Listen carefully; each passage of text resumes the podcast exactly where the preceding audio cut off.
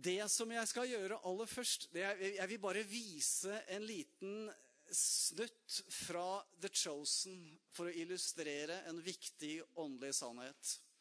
Det er en scene hvor Jesus møter den samaritanske kvinnen. Og han formidler evig liv til denne kvinnen. Så hva er evig liv? Hva er evig liv egentlig? Ja, vi skal ta en liten runde på det i dag. Og vi har våre tanker og, og, om hva evig liv egentlig er. Men det er faktisk så mye mer enn det vi tenker i utgangspunktet. For så har Gud elsket verden at han ga sin sønn den eneste, for at hver den som tror på ham, ikke skal gå fortapt, men ha evig liv. Evig liv er noe som Gud gir. Og det er bare Gud som gir evig liv. Men evig liv er noe du må ta imot. Evig liv gis som en fri gave til hver eneste en.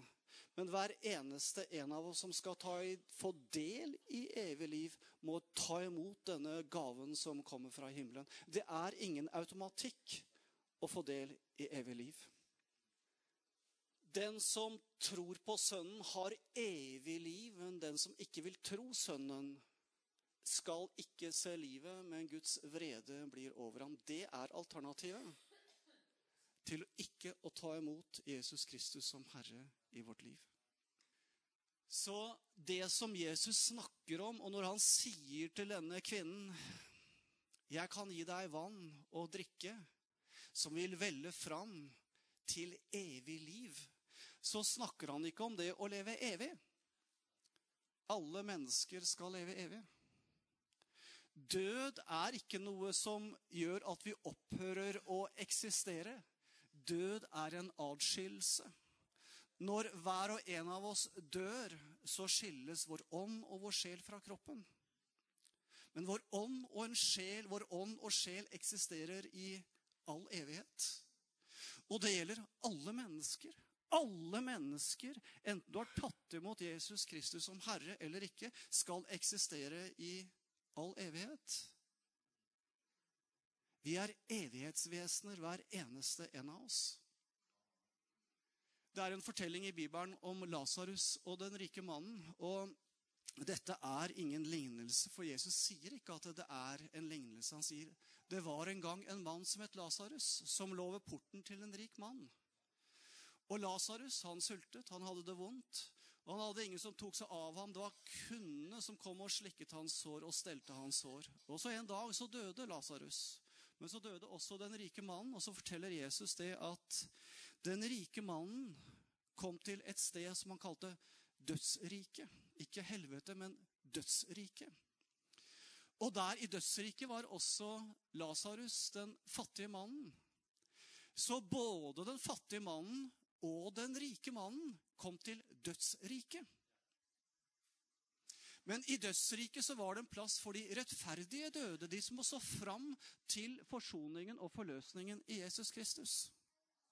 Men det var også en avdeling i dødsriket for de urettferdige, som ikke så fram til Jesu Kristi komme. Og så mens de er i dødsriket, så roper den rike mannen til Lasarus, Kom og sval min tunge, for jeg pines fryktelig i denne heten. Og så sier Abraham, 'Jeg kan ikke komme over til deg, for det er et svelg som skiller meg fra deg.' 'Ja, men send i hvert fall noen hjem til mine brødre, så de også kan advares', roper denne her rike mannen til Lasarus. Og så sier Abraham at uh, om ikke de tror Skriftene, så vil de heller ikke tro på det om noen står opp fra de døde. Men dette er en beskrivelse faktisk, folkens, av en virkelighet. Altså, hør nå. Altså, alle som dør, de vil på en måte atskilles fra kroppen. Men det som skjedde når Jesus kom Han gikk ned i dødsriket. Så tok han nøklene til døden og dødsriket. Og så kom han ned, og han proklamerte evangeliet. Frelsen for alle som var der. For dødsriket var som på en måte et venteværelse til den endelige dommen. Men på den gode avdelingen så går han inn, Jesus inn i dødsriket. Så tar han med seg den delen av dødsriket som kalles paradis, like inn i himmelen innenfor Faderens trone. Slik at ethvert menneske som dør i dag, vil enten komme fordi at den rettferdige avdelingen i dødsriket den fungerer ikke lenger. Den er på en måte tatt inn i selve himmelen. Slik at når vi dør, så kommer ikke vi til paradis, som denne fortellingen forteller om. Vi kommer like innenfor tronen. Og den dagen som Stefanus ble steinet, så roper han bare Herre Jesus, ta imot min ånd. Så ånder han ut, og han ser før han dør, så ser han at bare Jesus står der og får ta imot ham like innenfor tronen til Faderen. Slik at når vi dør, som har tatt imot Jesus Kristus som Herre, så skal vi leve i all evighet, men vi skal leve all evighet sammen med Faderen. Men de som ikke tror, og har på en måte sagt nei til denne gratis gaven, skal leve all evighet avskilt fra Faderen. Det er realitetene. Men det er ikke evig liv. Alle skal leve i all evighet. Og Jesus, det står i Johannes' åpenbaring, se, jeg er levende, og jeg lever i all evighet, og jeg har nøklene til døden og dødsriket. Dødens makt er brutt. Altså, Dødsriket er ikke lenger der som det var. Vi, når, når, jeg eller du dør den dagen når den kommer, så går vi like inn for Faderens trone. Det kan du lese om i Johannes' åpenbaring. Men de urettferdige døde de skal vente på en dom som kommer, slik at det dødsrike i dag det er et venteværelse på den endelige dommen innenfor den hvite trone, som det står om i Johannes' åpenbaring, kapittel 20. Det kommer en dag da alle skal se han. Det kommer en dag da alle skal erkjenne at Jesus Kristus er Herre. Uansett hva de har gjort i dette livet, om de har tatt imot Jesus Kristus som Herre eller ikke. Men evig liv er noe mer enn å leve i all evighet. Det som vi på en måte har gått gjennom nå, det er bare realiteter. Det er bare virkeligheter som ethvert menneske vil møte i sitt liv. Men hvorfor kom da Jesus til verden? Han kom for å frelse oss. Men hva er hensikten med frelsen? Altså, Problemet var den synden som du og jeg hadde i mitt liv. I vårt liv. Det var problemet. Og hadde Gud hatt en annen mulighet til å få kontakt med deg og meg, så hadde han ikke valgt å sende Jesus Kristus. Men Jesus Kristus kom fordi det var den eneste muligheten for å gjøre opp med all synd i mitt og ditt liv. Og han kom for å fjerne denne barrieren som var mellom Gud og menneske. Og evig liv er å få denne kontakten med Gud Faderen på ny. Det er ikke snakk om bare å leve i all evighet, for det skal alle mennesker gjøre. Men evig liv er å komme inn i en dypere relasjon med Han som er skaperen, Han som er den allmektige Gud, som har skapt hele dette universet, og som elsker deg med en ubetinget kjærlighet, og som ikke fordømmer deg. Akkurat sånn som Jesus kom i møte med den samaritanske kvinnen. Ingen fordømmelse. Han bare tar imot deg med hele sitt hjerte og ønsker deg velkommen inn. Amen. Sånn er Faderen. Og Jesus han er den som er selve opphavet. Hele livet er fundamentert i Jesu liv. Og derfor er det slik at den som har Jesus, har livet. Amen. Og dette er vitnesbyrdet, står det om i 1. Johannes brev, kapittel 5 og 11-20. Og dette er vitnesbyrdet, at Gud har gitt oss evig liv, og dette liv er i Hans Sønn. Den som har Sønnen, har livet, men den som ikke har Guds sønn, har ikke livet. Det er bare én måte vi kan få del i evig liv på ved at vi har gjort Jesus Kristus som Herre i vårt liv. Da skjer det noe i vårt indre. Og så sier Jesus i Johannes 17, 3, og dette er det evige livet, at de kjenner deg, den eneste sanne Gud, og Jesus Kristus, han som du har utsendt. Det evige livet ja, vi skal alle leve i all evighet, men det evige livet er å få del i Guds natur på innsiden.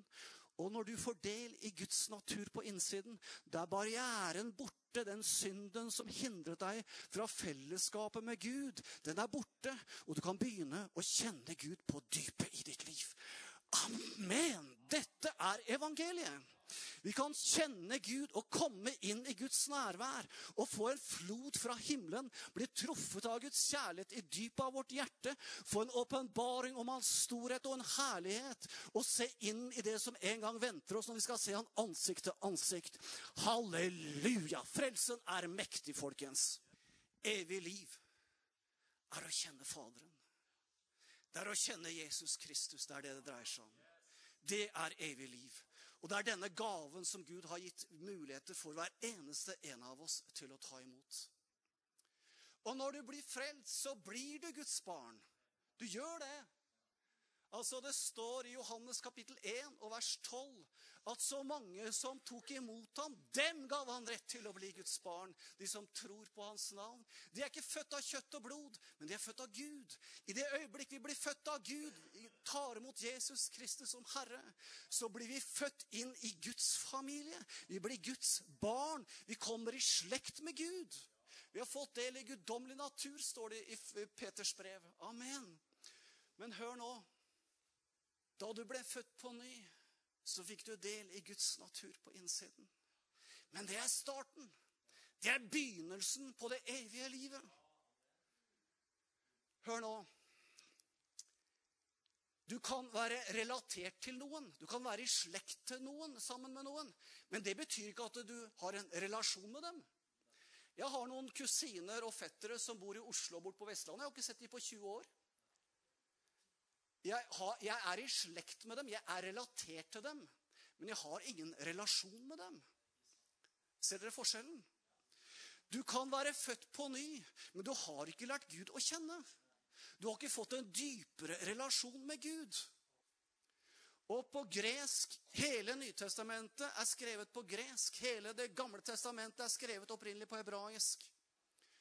Og når det står 'kjenne', som Jesus sier i Johannes 17, 3. Så det greske ordet, som er tilsvarende det hebraiske i Gamletestamentet, det står at Adam kjente Eva, og hun fødte en sønn. Altså, dette ordet 'kjenne' beskriver den mest dype, intime, nære relasjonen mellom en mann og en kvinne. Det kommer barn ut av det. Adam hadde samliv, altså hun kjente sin kone Eva, og hun ble med barn og fødte Kain. Altså ordet 'kjenne', når Jesus sier det i Johannes 17, 3, så beskriver det noe om å kjenne, ha en relasjon på et dypt, nært og et intimt nivå. Det handler altså frelsen om, og det er det som er hensikten med at Jesus kom. Det var ikke bare for at vi skulle leve evig. Alle mennesker skal leve evig. Og det er ikke snakk om bare å leve evig i en eller annen atmosfære av et eller annet rart. Nei, du skal leve evig i en dyp, nær relasjon med Gud, skaperen. Universets skaper. Og det er sånn at det begynner her og nå, skjønner dere. Ja, det vet dere jo. Amen. Kjenner dere han? Er det ingen som kjenner han? Nei, kjenner han ikke jeg heller. Det er en guvernør fra Illinois i USA som har åpnet opp for å ettergi masse voldtektsforbrytere og drapsmenn, slik at han slipper de fri. Hvis jeg sier til deg at han må du stole på, ville du gjort det? Hvis du sier til meg at jeg må stole på han og ha tillit til han Ja, men jeg kjenner han jo egentlig. Jeg bare hører visse ting om han. Kjenner dere henne? Ja! Henne kjenner jeg. Og henne har jeg tillit til. Hvis noen kommer og forteller meg at du, jeg så dama di på byen og gikk rava full sammen med en annen cal, så du vet at da tror ikke jeg noe på det. Og jeg håper inderlig at hvis noen sier tilsvarende om meg til Mona, så tror ikke hun på det heller. ikke sant? Fordi at jeg kjenner henne. Jeg har lært å kjenne henne, og fordi at jeg har lært å kjenne henne, så har jeg en tillit til Mona. Amen. Kjennskap, en relasjon, bygger tillit. Og tro på det den personen sier. Når Mona sier noe, så tror jeg faktisk at det hun sier, er sant. For jeg kjenner henne. Jeg har en dyp relasjon. Jeg, hvor lenge har vi vært gift, Mona? Ja, det, 39 år. Det er lang tid. Jeg har vært lengre gift enn jeg ikke var gift. Kjenner dere han? Å, kjenner du han? Amen. Jesus Kristus. Halleluja. Har du en dyp, nær, intim relasjon med din frelser? Han som kommer. Kjenner du han som er blitt konge? Han som skal regjere, han som skal sitte på den hvite tronen. Kjenner du ham? Hallo, kjenner du ham? Kjenner du ham? Kjenner du ham? Åh, full av kraft, full av herlighet. Åh, han jeg bare vet at han elsker meg. Jeg vet at han aldri kommer med dom mot meg. Jeg vet at det han sier, er sant. Vet du hva? Den tilliten som du har til en person, er avhengig av at du kjenner ham. Du må kjenne ham. Du må kjenne ham. Og jeg tror det, Du kan gjøre deg veldig mange tanker om fallet, hva som egentlig skjedde i syndefallet. Men hør nå. Gud skapte først Adam. Så skapte han Eva. Og jeg tror det at veldig kort tid etter skapelsen så fristet djevelen Eva. Hvorfor det? Jo, fordi at hvis Eva hadde rukket å bli kjent med Faderen, så ville hun ikke tvilt på hva Faderens egentlige natur var. Det står igjen slangen som frister. Og det var konsekvensen. Men slangen var listere enn noe annet dyr som Herren Gud hadde gjort på marken. Og han sa til kvinnen, 'Har Gud virkelig sagt:" 'Dere skal ikke ete av noe tre i hagen.' Da sa slangen til kvinnen, 'Dere skal slett ikke dø, for Gud vet at på den dagen dere eter av det, skal øynene deres bli åpnet, og dere skal bli slik som Gud selv og kjenne godt og ondt.' Hva er det djevelen gjør? Han sår tvil om hva Gud har sagt. Er det egentlig sant?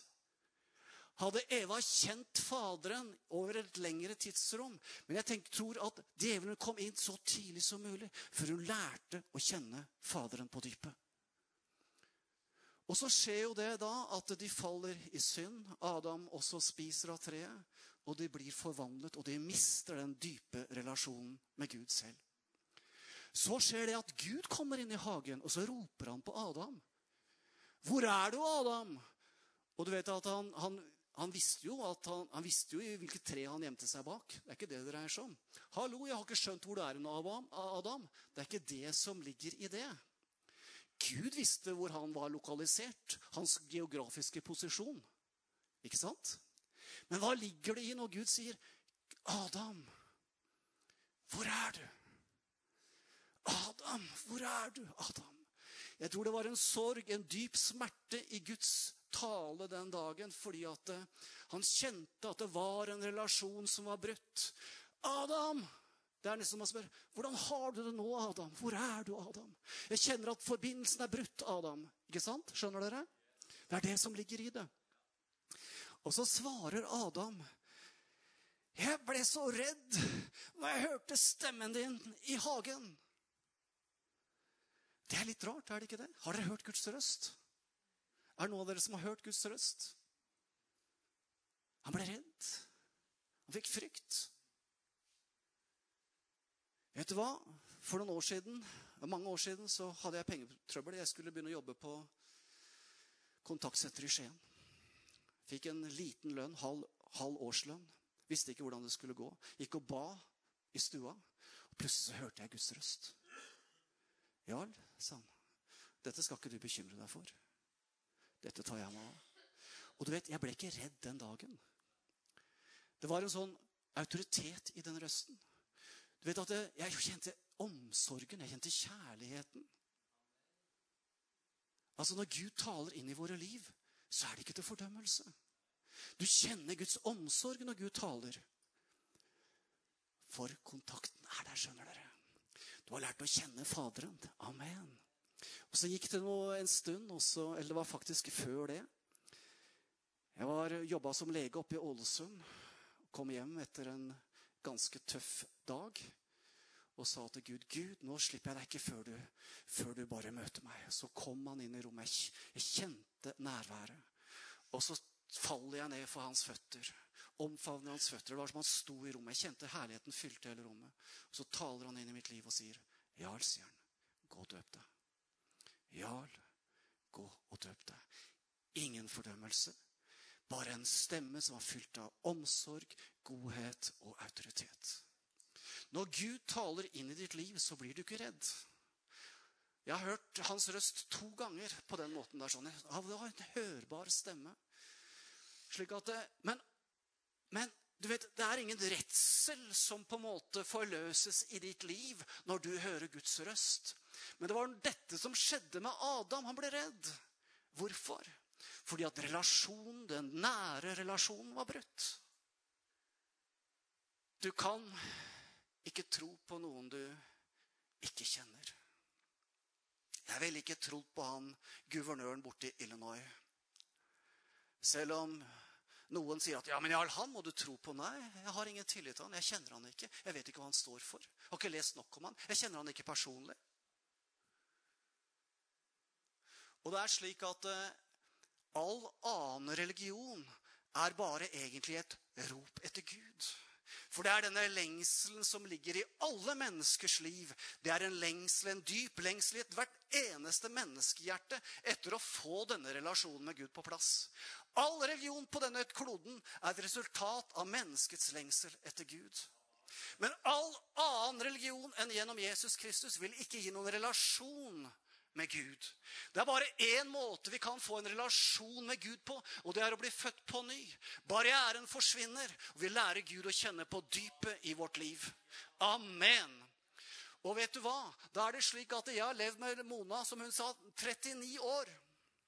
Og jo lenger jeg lever med den dama, jo mer kjenner jeg henne. Og jo lenger hun lever med meg, jo bedre kjenner hun meg. Den relasjonen er basert på erfaring og kunnskap. Vet du hva? Vår relasjon med den levende Gud er basert på erfaring og kunnskap. Og i den grad vi har erfart og blitt kjent med Gud, desto mer kan vi stole på hans løfter. Amen! Jo mer du kjenner Faderen, jo mer du kjenner at Hans godhet overøser deg, jo mer du erfarer Hans svar på dine bønner, jo mer kan du stole på Hans løfter. Amen. For du har et fundament, du har et grunnlag, fordi du har lært Han å kjenne. Amen. Du skjønner, erfaringen forløser troen din på alle hans løfter. Amen. Og så står det i 2. Peters brev Nåde være med dere og fred i rikt mål. Ja, hvordan da? I erkjennelsen av Gud. Hva er erkjennelsen av Gud? Det er å se han i hans ord. Det er å på en måte se hans bønnesvar. Se hans omsorg i hverdagen. Du ser du vet, Det er for seint at noen kommer til meg og sier at 'Nei, det med Gud er bare tull', vet du. Jeg har erfart den siden 1980. Jeg er over 40 år. Det er for seint. Du kan bare gi opp. Jeg har erfart Guds godhet. Amen. Og det er i erkjennelsen av hvem Gud egentlig er, at han fyller på med sin fred og sin nåde inn i ditt liv. Amen. Og da er det sånn videre i vers 3 at han har skjenket oss alt som tjener til liv og Guds frykt. Hvordan da? Ved erkjennelsen, ved at du kjenner ham, skjønner du. Ved at du får en åpenbaring om hvem han egentlig er. Han er Faderen som elsker deg med en ubetinget kjærlighet. Å, halleluja. Å, halleluja. Så står det i Romerne 5, 17. For om døden fikk herredømme ved den ene, ved denne enes fall, så skal da de som tar imot nådens overflod og rettferdighetens gave, desto mer ha liv og herske ved den ene Jesus Kristus. Du hersker i ditt liv ved å kjenne ham. Det er når vi kjenner ham, vi kan herske i vårt liv. Amen. Altså, du hersker ikke i ditt liv. Det er ikke ti punkter til å herske i ditt liv. Det handler om en relasjon. Jo mer du kjenner Faderen, jo mer kan du herske i ditt liv. Amen. For det er ikke ti punkter til å lykkes i ditt liv. Men det er ett punkt, det eneste det dreier seg om, og det er å få del i Jesu Kristi liv. Amen. Halleluja. Og kjenne ham, kjenne din frelser og kjenne din Fader på dypet i ditt liv. Amen! Vet du hva, Dette er bare at vi kan bare reise oss og juble og skrike og bare belge. altså. Hallo! Det er så sterkt, det som har skjedd i våre liv. Amen! Og da er det slik fordi at det er så ofte omstendighetene tar herredømme i vårt liv. Ofte tar følelsene overhånd i vårt liv. Og så er det følelsene våre som hersker i vårt liv. Det skal ikke være sånn. Jo mer du bare ser inn i Jesu Kristi øyne, jo mer du er kjent med din frelser, jo mer setter du din lit ikke til omstendigheter, ikke til dine følelser, men hvert ord som har gått ut av Guds munn. Amen. Amen, amen, amen. Det er ingen frykt i kjærligheten. Men den fullkomne kjærligheten driver frykten ut. For frykten regner med straff. Men den som frykter, er ikke gjort fullkommen i kjærligheten. Når du lærer Faderen å kjenne på dypet, den nære relasjonen, så driver det frykten ut av ditt liv. Og så går du imot det du frykter, ikke i din egen kraft, men i hans kraft. For du vet det, at han alltid vil komme deg til hjelp. De første turene jeg hadde til Romania, jeg var skrekkslagen. Jeg hadde panikkangst på de første turene mine til Romania. Vet du hva? Nå lengter jeg bare etter å komme tilbake til Kenya igjen. Og jo flere folk som jeg kan preke for, jo bedre er det. Amen. Halleluja. Og så skriver Paulus andre Timoteus brev. Det er det siste brevet som Paulus skriver før han henrettes. Så skriver Paulus. Av denne grunn lider jeg også dette. Likevel skammer jeg meg ikke. For jeg vet. For jeg vet. For jeg vet jeg vet hvem jeg har kommet til tro på. Jeg vet hvem jeg har kommet til tro på. Jeg kjenner ham på dypet. Jeg har møtt ham. Han lar litt mitt liv flyte over av sine velsignelser. Så selv, så skriver, selv om Paulus på en måte nå ser døden i øynene, han frykter ikke. Den fullkomne kjærlighet driver frykten ut. Han visste han, hvem han skulle møte.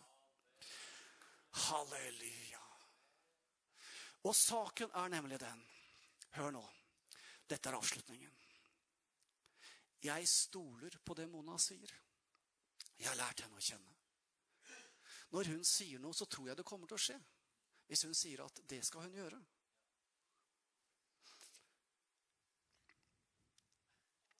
Ja Men Og jeg må si det samme om deg, Runar. Jeg har sett det i ditt liv, Runar. Jeg har lært Runar å kjenne. Vi har stått sammen i hvor mange år er det, Runar? Jeg har lært Runar å kjenne. Når han sier noe, så vet jeg at eh, da går det for det. Men hør nå. Hvis du har lært Gud å kjenne Du har vært frelst noen år, og så har du opplevd at alt det han har sagt, det har jo skjedd. Jo, men du skjønner, det løftet der, det har jeg litt problemer med å, å fatte liksom, og ha tillit til. Ja, men Gud har sagt det. Altså, Den tillit som du har til Gud, den tro du har på Guds løfte, den er basert på et kjennskap om Gud. Og Jo mer du kjenner ham, jo større tillit har du til ham. At når han har sagt en ting, så gjelder det. Da gjelder det. Amen. Og Derfor så kan du ta alle Guds løfter. Det er Gud som har talt dem ut, alle løftene. Det er hundrevis av løfter. Tusenvis, kanskje. Og når Gud har talt ut en ting, så kan du ha den tillit til Gud at han står ved sitt ord fordi du har lært ham å kjenne. Er det viktig å lære Gud å kjenne? Er det viktig å ha fått del i evig liv? Evig liv er fundamentet som gjør at vi kan ha denne dype, nære relasjonen til Gud. Barrieren er borte. Det er ingen synd som skiller oss lenger. Uansett hvor mye dumt du gjør, uansett hvor mye du surrer det til. Det er ingen barriere i forhold til Gud. Det er ikke der barrieren sitter. Halleluja. Det sitter i din egen fordømmelse og i din egen skamfølelse. Og den må du bare rydde vekk. Derfor er det så viktig at du får en sunn undervisning. Og synder vi og gjør ting, så klart at det får konsekvenser for våre liv. For vi har jo sluppet djevelen til i våre liv. Så den døra må du bare lukke og sparke djevelen ut.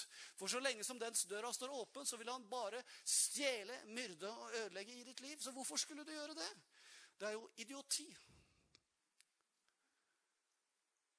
Hør nå. Han døde på et kors. Han døde på et kors. Han for ned i dødsriket. Han tok hele paradis med seg inn i himmelen. Amen. Og nå lever han. Og vi må ha det rette perspektivet, folkens. La oss ha det rette perspektivet. Løven av Juda. Løven av Juda. Det er han som går med oss. Og alt annet må bare vike. For vi holder oss nær løven av Juda. Og han kommer tilbake når tiden er inne. Og en dag skal han sette seg på tronen og dømme alle levende og døde. Men her og nå har vi fått del i evig liv. Evig liv som varer helt inn i evigheten. Amen! Halleluja. Åh, det var det jeg hadde på hjertet. Amen. Jeg må si noe mer fordi at uh, det er slik at uh, noen cellegrupper har startet noe som heter DE. Discipleship and Evangelism. Det er et opplegg som Andrew Womack Ministry har uh, utarbeidet, og noen av gruppene våre, cellegruppene, har startet med det. Dette som jeg har undervist om i dag, det er første tema. Og noen av gruppene, eh, kanskje ikke alle, men de som har lyst, de kommer til å følge opp denne undervisningen. som vi følger opp. Neste tema er egenrettferdighet kontra rettferdigheten som vi får av Gud. Og jeg har tenkt at uh, Kanskje vi kommer til å følge opp Jeg har ikke liksom helt landa på det, men jeg bare kjente i dag så måtte jeg bare ta dette fantastiske temaet, hva som evig liv er. Dette er introduksjonen til det som vi går gjennom, og begynt, noen cellegrupper har begynt å gå gjennom. Og så er det masse fantastiske temaer. Og dette gjør noe med oss. Så jeg tenkte kanskje Jeg snakka litt med Runar også i går at eh, jeg har lyst til å på torsdagene ta noen av disse temaene, slik at vi får i dobbel dose. Halleluja. Nå fikk dere første dosen. Amen. Halleluja. Å, Jesus. Halleluja, halleluja, halleluja. halleluja. Og jeg bare kjenner at det er bare noe som jobber så inni meg at uh, dette er et sånt fantastisk budskap som vi bare må få ut, folkens. Uh, veien videre. Og, og, dere som kanskje ikke har uh, muligheter til å gå på en bibelskole, da, vi får bare se litt om hvordan denne retningen tar. Kanskje vi kan klare å følge opp det på torsdagsundervisningen, disse temaene. Så får dere en sånn gratis bibelskole, egentlig, og dere går gjennom dette i cellegruppen også. Jeg bare priser deg, Herre, priser og ærer deg fordi at du er en mektig Gud full av nåde og sannhet, Herre. Takk for ditt nærvær.